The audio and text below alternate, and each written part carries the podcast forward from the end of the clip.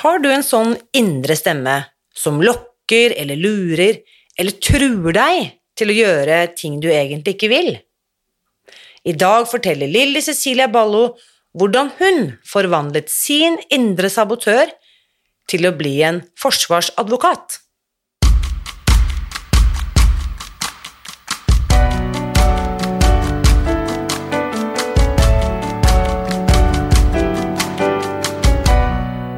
Mitt navn er Irina Lie.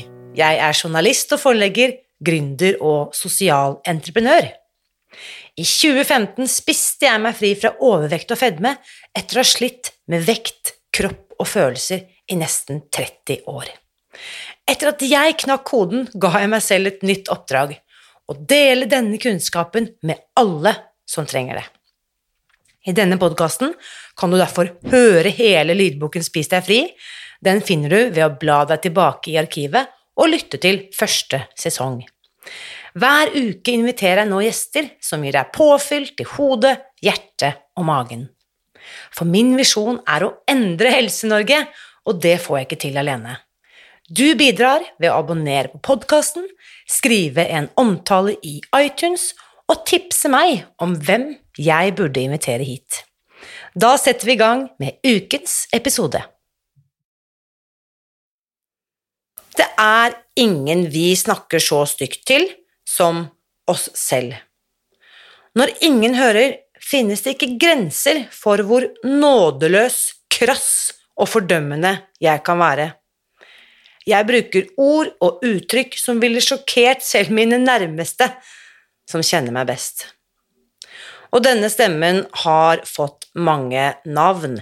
I boken Spis deg fri så omtales den enkelte steder som sabotøren, og vi kunne egentlig like gjerne ha kalt den Hjelperen, for det er det denne stemmen egentlig vil. Den vil hjelpe meg til å få det bedre, eller til at jeg skal føle det bra. Og da Lilly oppdaget denne stemmen, så tok hun imot min invitasjon til å møte stemmen med nysgjerrighet, til å bli kjent med den. Og det hun oppdaget da, er nesten ikke til å tro. Her er ukens gjest. Kjære Lilly, velkommen til podkasten. Du, vi ser hverandre jo på Zoom, og vi har jo sett hverandre på Zoom, hva skal jeg si, nå over noen måneder. Men mm. fortell litt, uh, for de som ikke kjenner deg nå, Lilly. Uh, hvor i verden er du, og fortell litt om deg selv. Ja, akkurat nå så befinner jeg meg på Strømmen i Lillesund kommune. Um, jeg kommer opprinnelig fra Finland, men bodde da fra jeg var ni år til jeg var 16 i Kirkenes, så derifra kommer dialekten min. Jeg har for så vidt bodd på Østlandet siden 88, men eh, jeg prøver å holde fast på, på dialekten så best jeg kan. ja, det er, eh, det er, jeg faktisk veldig fan av. Det liker jeg veldig, veldig godt. Um, mm. Og så må du fortelle litt uh, hvordan vi to fant hverandre, holdt jeg på å si, eller hvordan vi, hvordan vi traff hverandre. Ja, det begynte jo for meg da ved at jeg ved en tilfeldighet kom over podkasten Spis deg fri og hørte på den og skjønte at her var det mye gull for meg. For uh, jeg har uh, slitt med mat og kjør rundt mat og tanker og sånt i store deler eller hele deler av mitt voksne liv. da. Og uh, så var liksom konseptet Spis deg fri var virkelig en sånn håpbringer. For det var ikke bare nok en slankekur, det her var et konsept som virkelig ga gjenklang hos meg. da. Så jeg hørte på podkasten og var egentlig veldig overbevist om at det her var riktig vei for meg å gå. Men, og det var et stort men, jeg har altså da blitt 49 og har levd med sukker og mel som min hva skal jeg si, følgesvenn gjennom livet. da. Eh, så jeg starta på en redigert versjon. for jeg tenkte ikke i verden om jeg skal klare helt uten sukker og mel. Såpass lenge har jeg levd at det ikke det er ikke, altså det er ikke realistisk å tro. da. Og, hvor, og, når i tid er vi nå? Når var det du hørte dette og tenkte at dette her, eh, å gå all in er helt uaktuelt? Hvor langt tilbake er vi da? Det var i fjor, eh, på forsommeren i fjor. Ja. Så begynte jeg 20. august på en redigert versjon. som innebar bare en reduksjon, og ikke liksom spise rene sukkervarer, ikke rene medprodukter, men i varianter der det var ja, i maten. Da. Og det gikk jo for så vidt bra, det. Lenge. Eh, fram til eh, midten av november, der jeg møtte på en ganske stor emosjonell utfordring i en relasjon. Og da var det liksom som blåst bort alle mine gode forsetter og tanker, for da var liksom ikke mat et issue, da var det bare tilbake til gamle vaner. Finne Mm. trøst, eh, finne håp, eh, rømme unna onde følelser og uro. Og da var det rett tilbake til matfatet, helt ukritisk, rett og slett. Men det er kjent mønster, da. Og det er så, Jeg får gåsehud når du forteller, fordi at eh, da snakker vi fra august, gjennom høsten, september, oktober.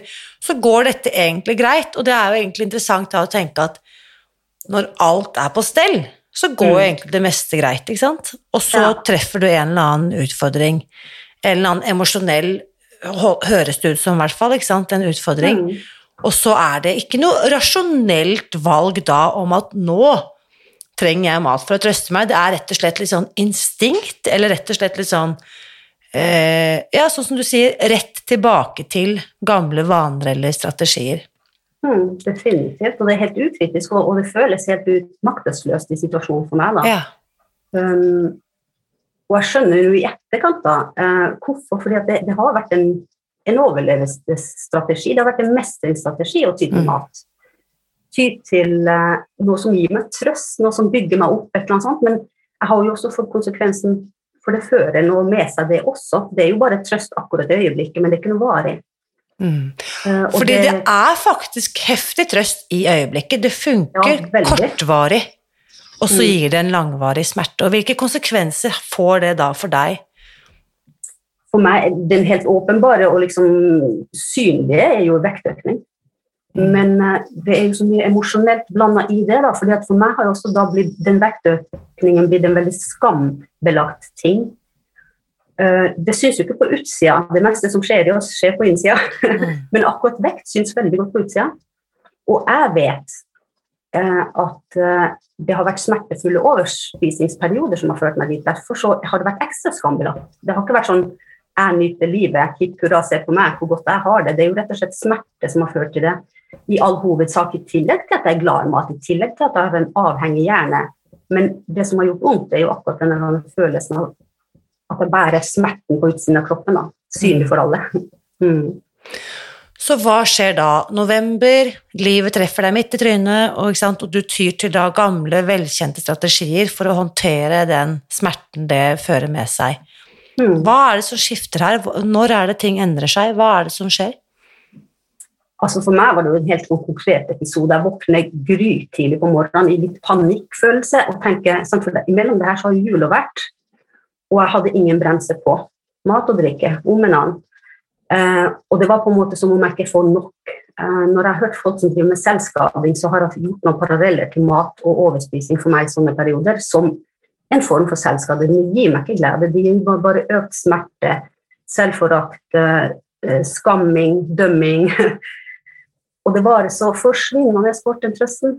Så de store resultatene som da er, er sorg, rett og slett, da, det, det blir sittende fast. Så våkner jeg da i panikk den morgenen og tenker jeg må rett og slett, jeg må våge nå å, å be om hjelp. For det er ikke noe god på. Altså, jeg kan godt snakke veldig åpent om livet, om erfaringer, tøffe ting jeg har vært gjennom livet, i etterkant. Men akkurat når det er som vondest, så skal jeg klare meg sjøl på et eller annet vis. Prøve krampaktig.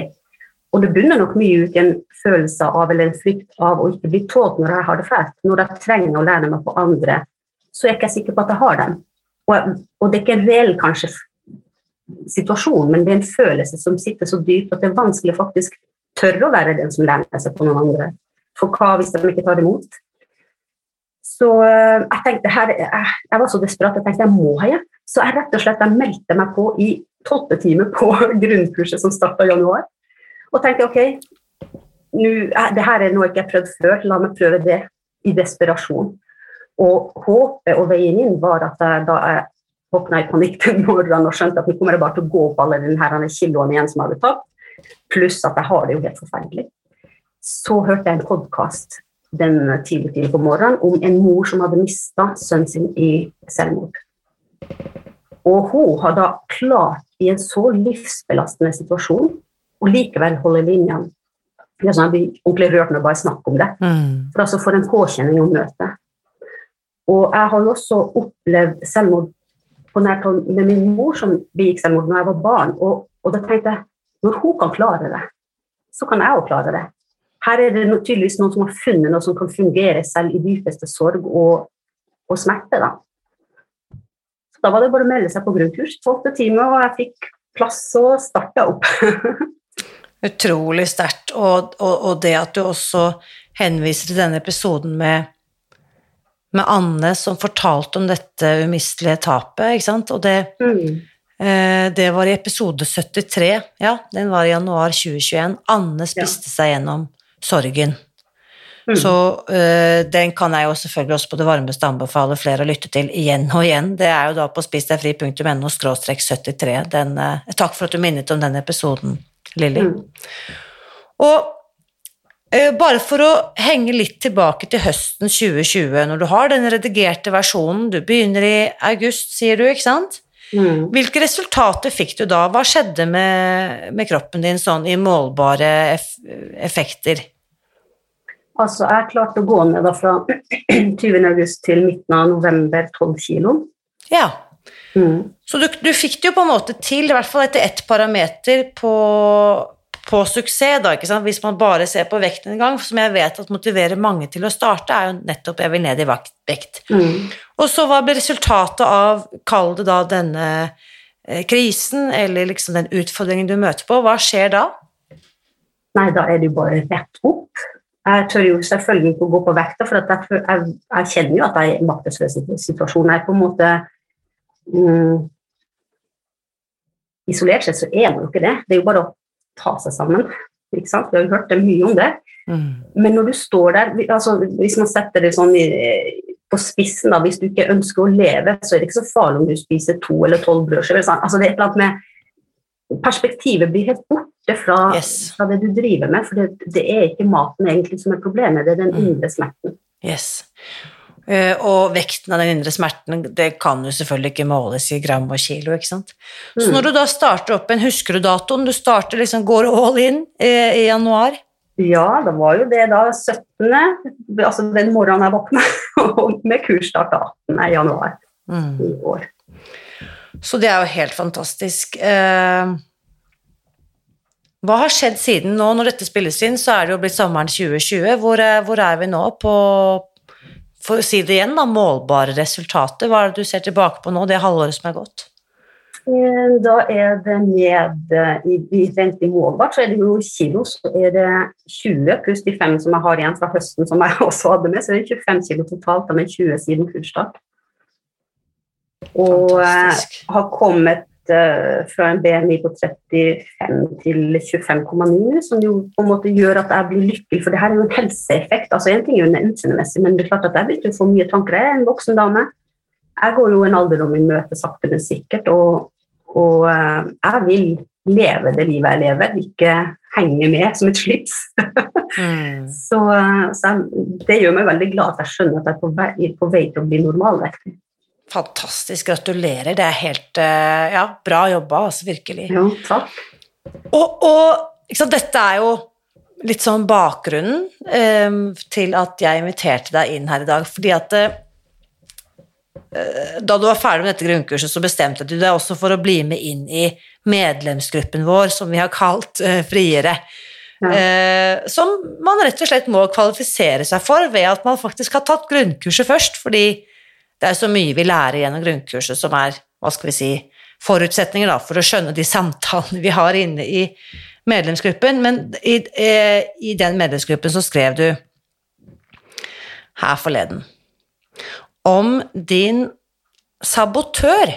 Og for de som har lest boken eh, Spis deg fri, så kjenner de kanskje til begrepet sabotør. Det er mye vi kunne sagt om sabotøren, og det skal vi snakke litt om i dag, for det er jo, det er jo kanskje en Sabotøren er jo den betegnelsen eh, som er brukt på denne indre stemmen. Kall det styggen på ryggen, kall det liksom hjelperen på skulderen som prikker deg og får deg til å kanskje gjøre eh, ikke alltid de klokeste valgene, da, selv om det kanskje hjelper deg der og da. Mm. Men eh, jeg har jo snakket mye om sabotøren, og, og, og, det du skriver Skal ikke jeg lese alt det du delte der i den gruppen, men si litt om ditt forhold til denne gåseøyne hjelperen din, eller eh, gåseøyne sabotøren, hva du velger å kalle den. For den har du blitt godt kjent med gjennom dette året. Fortell litt om den, Mm. Lilly. Ja, og der velger jeg jo henge meg opp i det du sier, eh, hjelperen din. Fordi det gjorde et indre skifte i meg da jeg hørte eh, ved en du sa at sabotøren har kanskje vært den beste og eneste venn mange av oss har hatt gjennom livet. Den har vært den stemmen som gjør at man går til trøst, man går til eh, å finne glede, man går til for å finne energi, eh, man går til for å rømme slike sår. Altså det er så mange, og min sabotørstemme har jo veldig mange stemmer. Men det jeg begynte å se litt nærmere på, da, det var jo for første så åpna det opp for muligheten til å skjønne at det her er en aktiv stemme jeg har i meg. Um, og jeg kunne begynne å rette et litt nysgjerrig blikk på hva er det den stemmen sier, og når kommer den stemmen inn. Mm. Og det jeg da kjente igjen, det var det at den stemmen uten unntak sier noe som på en måte skal være det beste for meg, nærmest som en sånn fordekt omsorg, da. Men som også fører til at jeg mislykkes med det jeg helst ønsker, det å både gå ned i vekt, men også bli der. Og det å ikke minst være føreren i mitt eget matliv. Og hvis jeg begynner å høre på den sabotørstemmen da, som f.eks. sier at det ikke er så farlig å veie all maten, eller eh, jeg kan ta litt mer, det er ikke så nøye om jeg veier opp maten nøyaktig, eller eh, nå trenger du trøst. Og alle de stemmene her sier noe om at jeg skal fortjene, eller at jeg ikke skal skille meg ut eller være sær. Ikke liksom ta negativ plass og gjøre meg synlig med å liksom gjøre upopulære valg, eller Eh, Så på en måte så skal det liksom være en trøstens stemme, men for meg så blir det jo ikke det. da. Det blir på en måte en, en stemme som motarbeider det jeg dypest sett ønsker i livet mitt. da. Og den stemmen der den tror jeg har bygd opp helt fra jeg var barn. Det er på en måte en litt umoden stemme, en umoden, men har vært en hjelp, men det er en umoden stemme som forteller meg hva jeg trenger.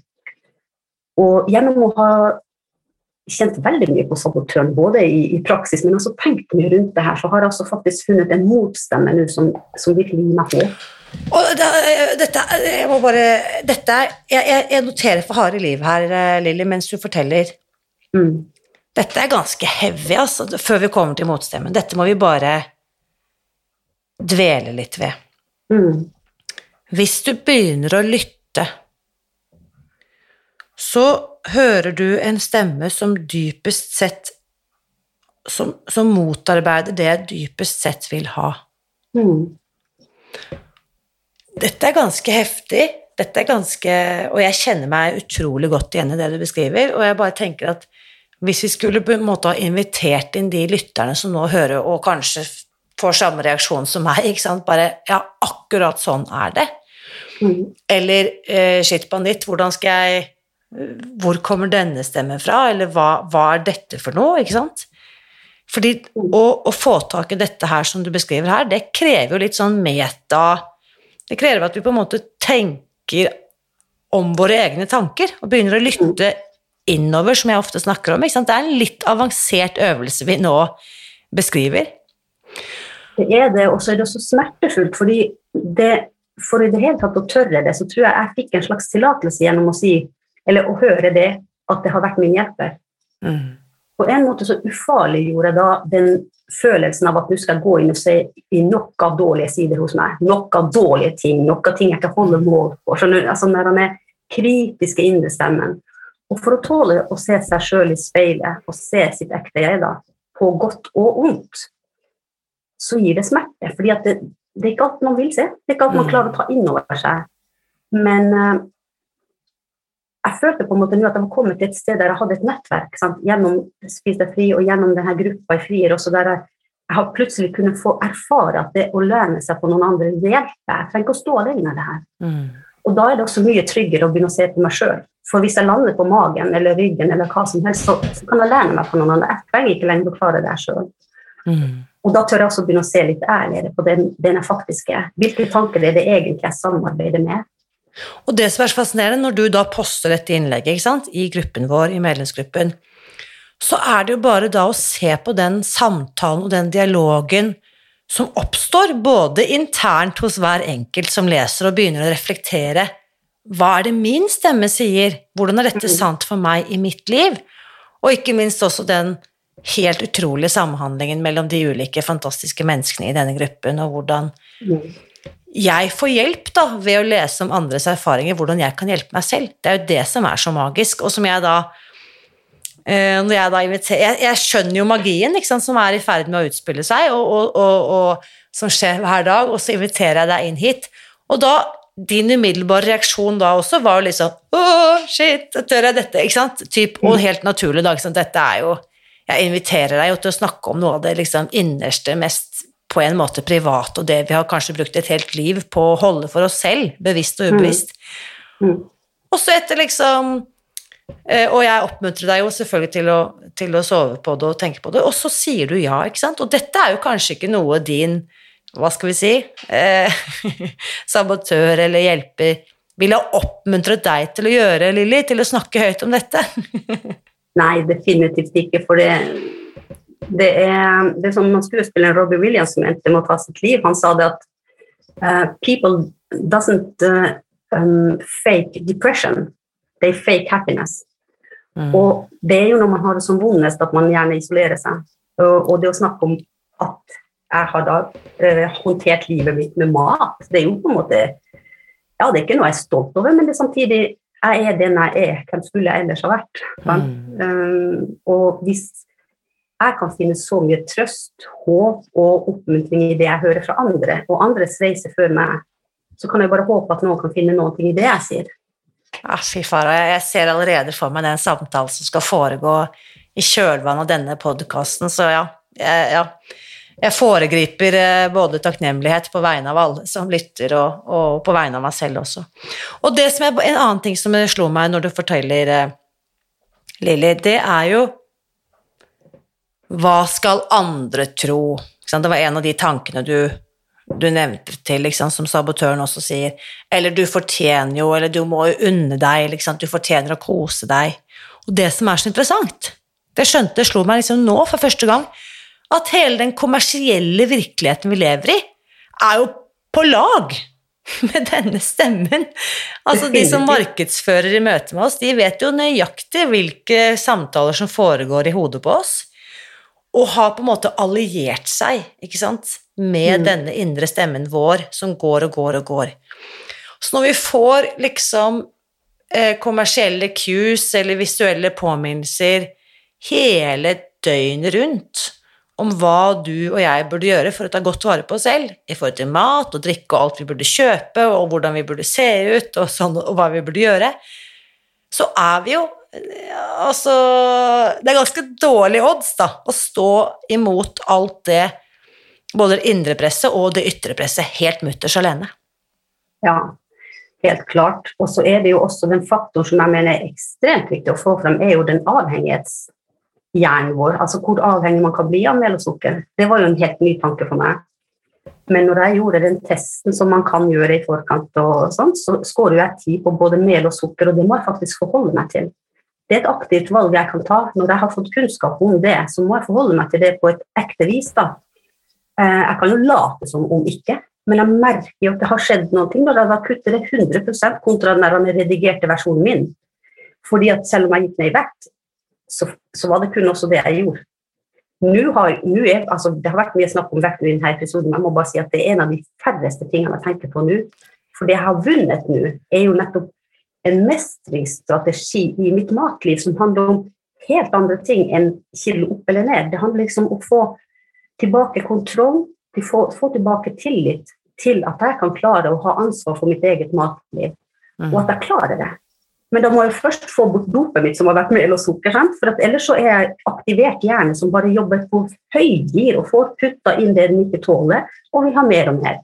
Yes. Så det er jo helt vesentlig at jeg blir kvitt først det jeg er avhengig av. For det som har vært en direkte konsekvens av det, er at jeg faktisk merker helt fysisk at jeg har en helt annen mental kapasitet. Mm. Det er plass nå til meg å tenke de nye tankene. Det er plass i hodet mitt, i tankevirksomheten min, til å forholde meg til mange andre ting som det ikke har vært plass til. For mat Har jeg spist for mye? Har jeg spist for lite? Burde jeg trene mer nå? Å nei, nå har jeg vært eh, gjort en dårlig helg og valg Nei, nå må jeg begynne på nytt. Skjønner Her er det der det tar så mye plass at det er helt Yes. eh, Altså For en som ikke har slitt med det, så er det nesten vanskelig å forklare hvor mye plass det kan ta. For det er nærmest som det har vært min tinnitus. Ja, utrolig bra sammenligning. Det har vært min tinnitus. Then that's a keeper. Fordi det er litt sånn som hvis jeg skal vurdere hvordan alkohol påvirker livet mitt mens jeg eh, åpner, spretter liksom den tredje pilsen og sitter og koser meg, det er, en veldig, det er et veldig vanskelig utgangspunkt. Mm. Å kunne ta en nøktern vurdering på hvilke effekter dette gjør på livet mitt når jeg sitter i rus, da.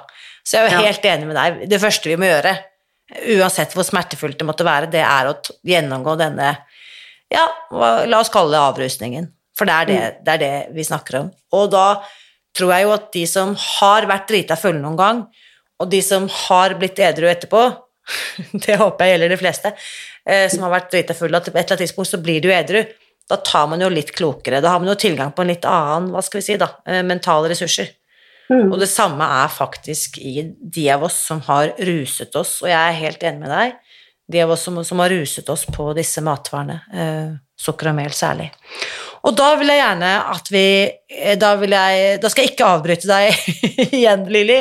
Jeg måtte bare ta en liten eh, stoppepause på alt det du allerede har fortalt, og nå at du forteller litt mer om det du var i gang med å begynne på, nemlig den nye stemmen som du har blitt kjent med, eller fått muligheten til å la slippe til, da.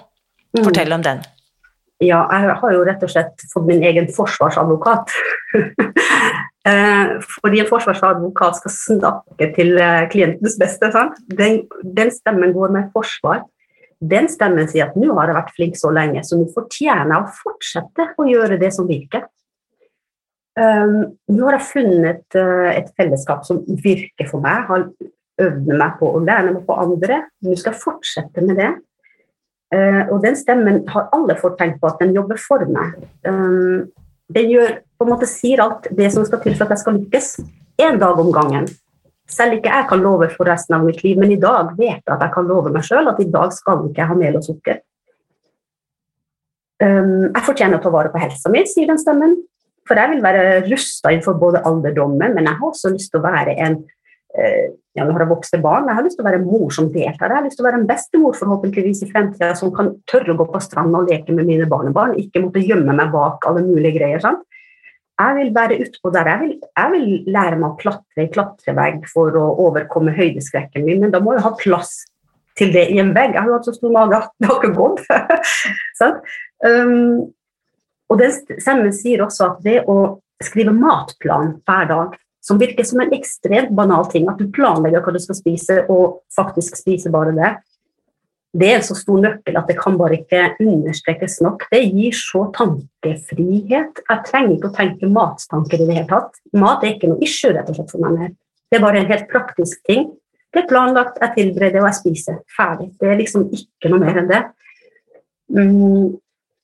Og ikke minst så har denne, forsvarsadvokaten gitt meg tilliten til meg sjøl tilbake. Sant? Fordi at nå har jeg en samarbeidspartner som Jeg vil si det sånn at den sabotørtankegangen som jeg fortsatt har og har hatt hele livet, er jo fortsatt der. Men det her er på en måte den voksne utgaven av den. Mm. Det som sabotørtanken kanskje har blitt eh, både starta og eh, blitt etablert allerede i barndommen, den kan jeg nå erstatte med en voksen Lilly anno 49 år. Hvordan vil jeg ta vare på da det jeg trenger? Og også kanskje ta vare på det barnet i meg. Jeg, mener, jeg har jo fortsatt Lilly tre år inni meg, jeg har Lilly ti år inni meg, jeg har alle de aldrene, de er jo lagra der. Og den forsvarsadvokaten kan da være med med et mildt blikk og med en kjærlig stemme liksom si noe mot den forsvarsadvokaten, eller den sabotørtankegangen. da. Å, det er helt sånn rørende å høre på. Jeg blir helt sånn glad på vegne av Lilly49, som nå har fått en forsvarsadvokat med på laget, og ikke bare en litt sånn villfaren eh, tre- eller 13-åring som har den verktøykassen som en litt umoden hjelper, da, eller en sabotør har tilgjengelig. Mm. Så Og jeg, ikke sant Det er jo ulike tradisjoner, ikke sant. Dette er jo ikke noen det er en grunn til at det er så mange ulike tradisjoner og religioner og kulturer som viser til nettopp denne stemmen, da, ikke sant.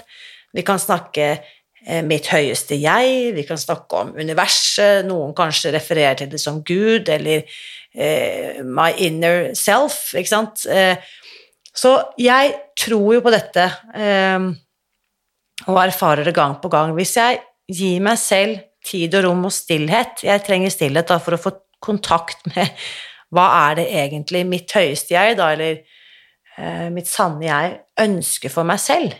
Mm. Og det er ikke nødvendigvis kanskje alltid den første tanken som popper opp, men dypest inne, liksom lengst ned i magen, innerst inne i hjertet, høyest oppe i hodet, jeg vet ikke hvor alltid dette her sitter nødvendigvis, men der vet jeg. Eh, og der er det ingen tvil, der er det liksom ren viten. Mm. Um, the inner essence. Uh, og essensen, ja, og ikke sant? Ja, fortsett. Nei, jeg, jo, jeg, tror jo på Gud, da, sånn for meg er også det en, en en helt fundamental ting i livet. Da, det er jo en, en, personlig relasjon til en høyere makt. Men um, det står jo så klokt at vi kan ta tanken litt i fanget.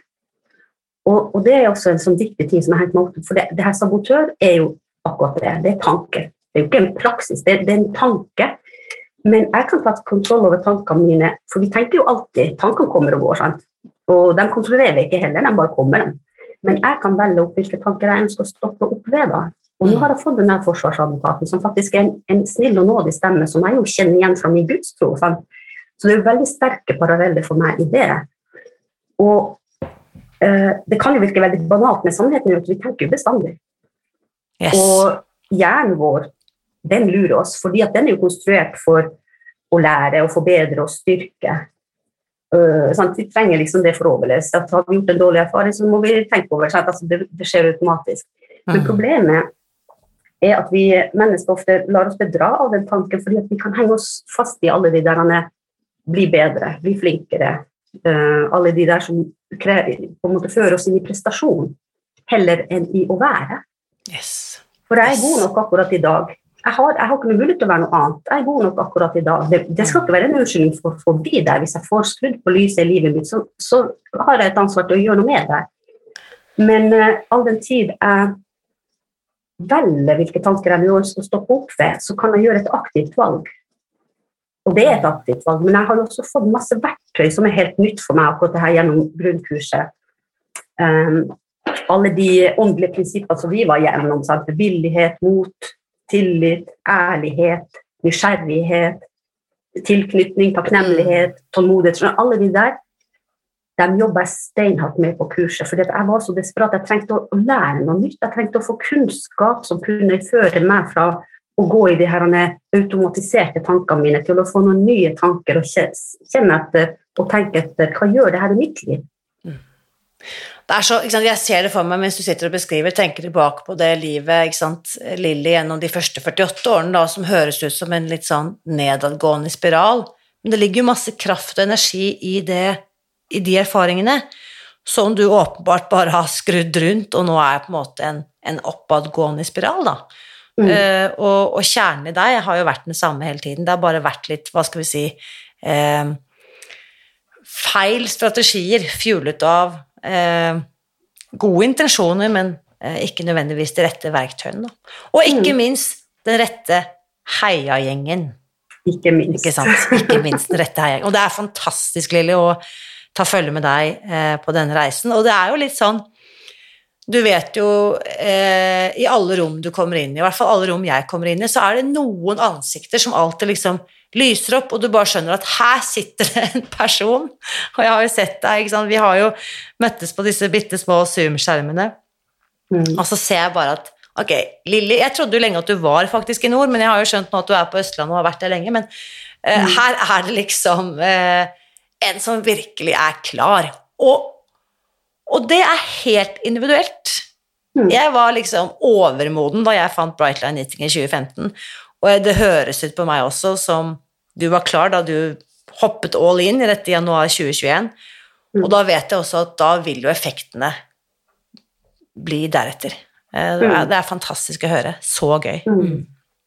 Ja, det var jo en helt klar oppfordring også om at når vi meldte oss på kurs, at jo mer du legger i det, desto mer får du ut av det. Og der var jeg grådig. Jeg tenkte her vil jeg få. Jeg vil få alt jeg kan få. fordi at, ok, det er åtte uker, men jeg tenkte jo på det at det her skulle være for livet for meg. Men de åtte ukene kan begynne, være en start på å, å bygge et grunnlag som jeg kan jobbe videre med resten av livet. Ja, fantastisk. Så Jeg, jeg vil bare oppmuntre, fordi kanskje noen opplever at dette er litt sånn 2.0, litt avansert, og på en måte eh, langt forbi det kanskje jeg har reflektert over av alle disse stemmene. To ting du sier. Dette med at tankene kommer og går hele tiden. mm, Det er en app, eh, og dette er en sånn mindfulness-app som heter Headspace, som sikkert mange eh, kjenner til, som har vært en sånn Jeg vet at det har vært en introduksjon til meditasjon, da, eller mindfulness for mange. Og den er jo på engelsk, men det han beskriver der, er at tankene er som skyer ikke sant, på, på himmelen, som hele tiden faktisk er i bevegelse. Og da kan du bare registrere at å ja, der kommer den tanken om ditt eller datt. Det kan være mat eller drikke, eller dårlige relasjoner, eller ting du er forbanna på, eller ting du gleder deg til, eller ting du savner. Whatever. Ja, der er den. Og så kan du bare la den skyen seile videre. Og vite at bak der er jo himmelen blå. Den er jo konstant. Himmelen er konstant, skyene kommer og går. Det er det ene bildet jeg liker veldig veldig godt. Eller noen av oss blir jo helt besatt på den mørke tordenskyen og ser ingenting annet. Og nesten på en måte klamrer oss fast til den tanken. Og i tolvtrinnstradisjonen så snakker vi om at den første tanken kan du ikke kontrollere. Så la oss si at det dukker opp nå, da, eh, eh, midt i sommeren, bare 'Å, jeg må ha eh, hva det måtte være, den og den drikken, eller den og den kalde eh, desserten på to bokstaver, eller hva det måtte være'. Å ja, der dukker den tanken opp. Den kan jeg ikke kontrollere, for de kommer jo og går hele tiden, disse tankene. Men jeg kan velge hvordan jeg svarer på denne tanken. mm, Begynner jeg da å marinere og dyrke og fantasere rundt dette greiene jeg tenker på? Eller velger jeg å anerkjenne 'Hei sann, der var den tanken, gitt'. Den var det lenge siden jeg har sett. Mm. Takk for at du tittet innom. Ha det bra. mm, Jeg velger i stedet å tenke på det jeg har, da, som mine strategier, når lysten eller cravingsen eller gamle vaner dukker opp. Og det andre jeg tenkte på, Lilja, det du sa, som kan være en øvelse for noen, kanskje, er hvordan skal jeg bli kjent med denne stemmen hos meg selv, eller hvordan kan jeg bli kjent med min, eller mobilisere min egen forsvarsadvokat? Kanskje kan du tenke på det som en storesøster eller en kjærlig mor eller en kjærlig bestemor, en som på en måte har vært der og passet på deg i livet ditt.